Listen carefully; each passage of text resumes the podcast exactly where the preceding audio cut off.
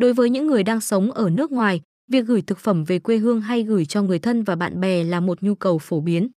Tuy nhiên, việc chuyển phát thực phẩm đến Mỹ không đơn giản như việc gửi bưu kiện thông thường, bạn cần phải nắm rõ các quy định và quy trình để đảm bảo an toàn và tiết kiệm chi phí.